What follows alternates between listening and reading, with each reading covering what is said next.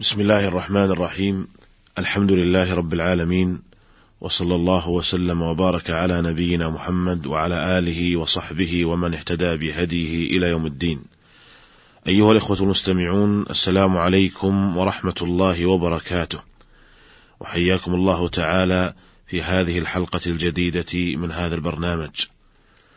والتي سنتكلم فيها إن شاء الله عن أحكام لبس الخف فوق الخف وعن حكم لبس العمائم والخمر للنساء. ونبدأ بالمسألة الأولى وهي ما إذا لبس خفا فوق خف أو جوربا فوق جورب.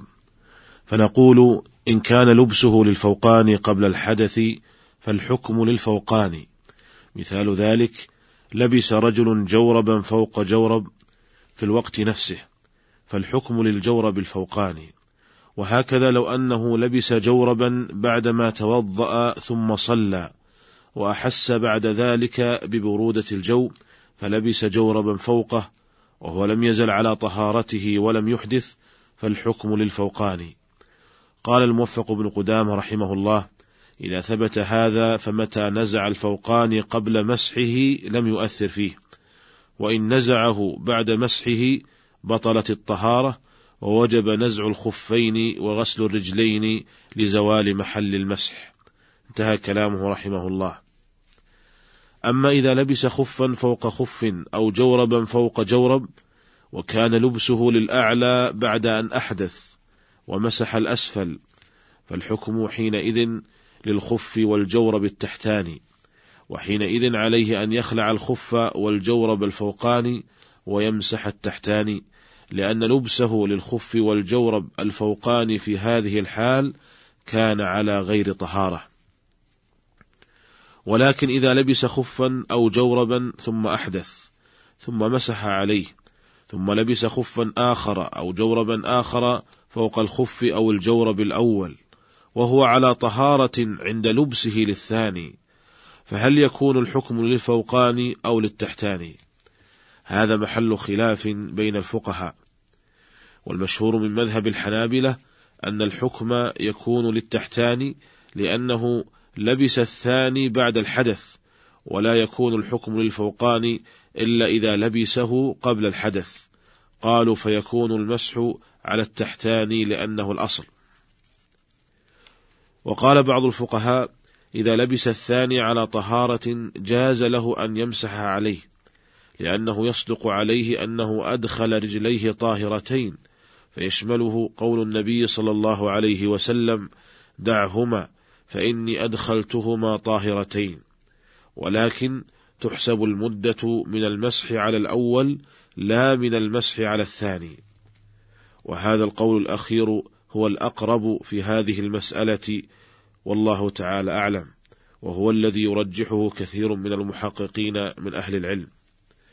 والحاصل مما سبق أنه إن لبس خفا فوق خف قبل الحدث فالحكم للفوقاني وإن كان بعد الحدث وكان لبسه للفوقاني وهو على غير طهارة فالحكم للتحتاني وإن كان لبسه للفوقاني على طهارة فمحل خلاف بين العلماء والأقرب أن الحكم للفوقاني إلا أن المدة تحسب من المسح على التحتاني لا من المسح على الفوقاني والله تعالى أعلم. وننتقل بعد ذلك إلى المسألة الثانية في هذه الحلقة وهي حكم المسح على العمامة. فنقول قد دلت السنة الصحيحة على جواز المسح على العمامة. ففي صحيح البخاري عن عمرو بن أمية رضي الله عنه أن النبي صلى الله عليه وسلم مسح على عمامته وخفيه. وفي صحيح مسلم عن المغيرة بن شعبة رضي الله عنه أن النبي صلى الله عليه وسلم توضأ فمسح بناصيته وعلى العمامة وعلى الخفين.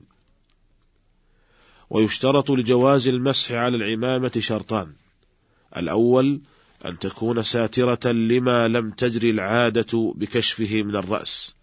قال الموفق بن قدامة رحمه الله من شروط جواز المسح على العمامة أن تكون ساترة لجميع الرأس إلا ما جرت العادة بكشفه كمقدم الرأس والأذنين وجوانب الرأس فإنه يعفى عنه.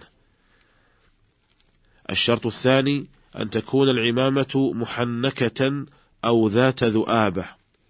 والمحنكة هي التي يدار منها تحت الحنك دور فأكثر.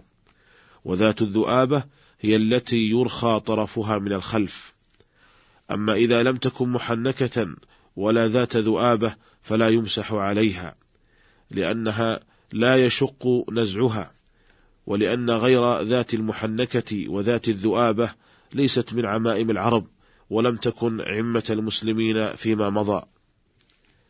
وذهب بعض أهل العلم إلى عدم اشتراط هذا الشرط وأنه يجوز المسح على العمامة وإن لم تكن محنكة أو ذات ذؤابة. وهذا هو اختيار شيخ الإسلام ابن تيمية رحمه الله وذلك لعدم ورود الدليل الدال على اشتراط هذا الشرط. وهذا قول قوي ولكن إذا قلنا بجواز المسح على العمامة وإن لم تكن محنكة أو ذات ذؤابة لا بد أن تكون مما يشق نزعها. فإن كانت مما لا يشق نزعه فالأظهر والله أعلم أنه لا يمسح عليها. نقول هذا لأنه وجد في الوقت الحاضر عمائم لبعض الناس لا يشق نزعها مطلقا فمثل هذه العمائم التي لا يشق نزعها لا يمسح عليها وإلا لو قلنا بالمسح عليها للزم من ذلك القول بالمسح على الطاقية والشماغ والغترة ونحو ذلك وهذا لم يقل به أحد من أهل العلم. والحاصل أن العمامة التي يجوز المسح عليها هي التي يشق نزعها سواء كانت محنكة أو ذات ذؤابة أو لم تكن كذلك على القول الراجح أما إذا كانت العمامة لا يشق نزعها فإنه لا يمسح عليها والله تعالى أعلم وهل يشترط لصحة المسح على العمامة أن يلبسها على طهارة؟ اختلف الفقهاء في ذلك، فمنهم من اشترط هذا الشرط قياسا على الخفين، فكما أن الخفين يشترط للمسح عليهما أن يلبسهما على طهارة، فكذلك العمامة، بجامع أن كل منهما ممسوح على عضو من أعضاء الوضوء. وذهب بعض العلماء إلى أنه لا يشترط هذا الشرط، بل يجوز المسح على العمامة وإن لبسها على غير طهارة. وهذا القول رواية عن الإمام أحمد. وذلك لعدم ورود الدليل الدال على اشتراط هذا الشرط.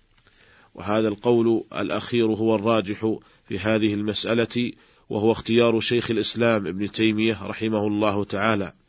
وأما قياس القائلين باشتراط هذا الشرط قياسهم العمامة على الخف فقياس مع الفارق فإن طهارة القدم هي الغسل وطهارة الرأس هي المسح فافترقا ومع وجود الفارق لا يصح القياس. ويجزئ مسح أكثر العمامة لأنها أحد الممسوحين على وجه البدل فأجزأ مسح بعضه كالخف. قال ابن القيم رحمه الله كان صلى الله عليه وسلم يمسح على رأسه تارة وعلى العمامة تارة وعلى الناصية والعمامة تارة. وأما اقتصاره على الناصية مجردة فلم يحفظ عنه. انتهى كلامه رحمه الله. وننتقل بعد ذلك للمسألة الثالثة وهي حكم المسح على خمر النساء. فنقول يجوز للمرأة أن تمسح على الخمار الذي تغطي به رأسها إذا كان مدارا تحت الحلق ويشق نزعه إما لصعوبة النزع أو لشدة البرد أو لغير ذلك. وهذا هو المشهور من مذهب الحنابلة.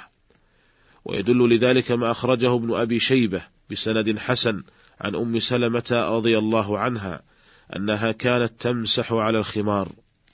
قال شيخ الإسلام ابن تيمية رحمه الله قد كانت أم سلمة زوج النبي صلى الله عليه وسلم تمسح على خمارها فهل تفعل هذا بغير إذنه؟